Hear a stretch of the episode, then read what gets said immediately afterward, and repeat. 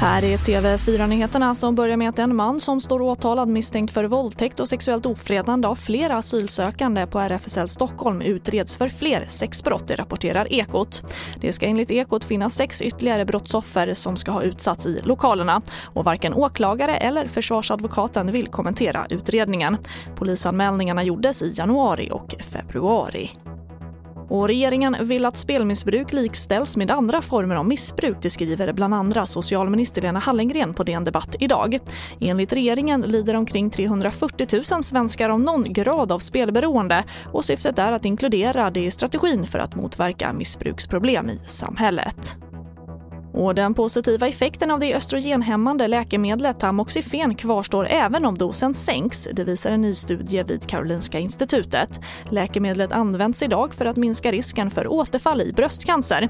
Men de kraftiga biverkningarna gör att nära hälften av kvinnorna avbryter behandlingen.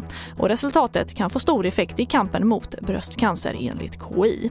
Och det får avsluta TV4-nyheterna. Jag heter Charlotte Hemgren.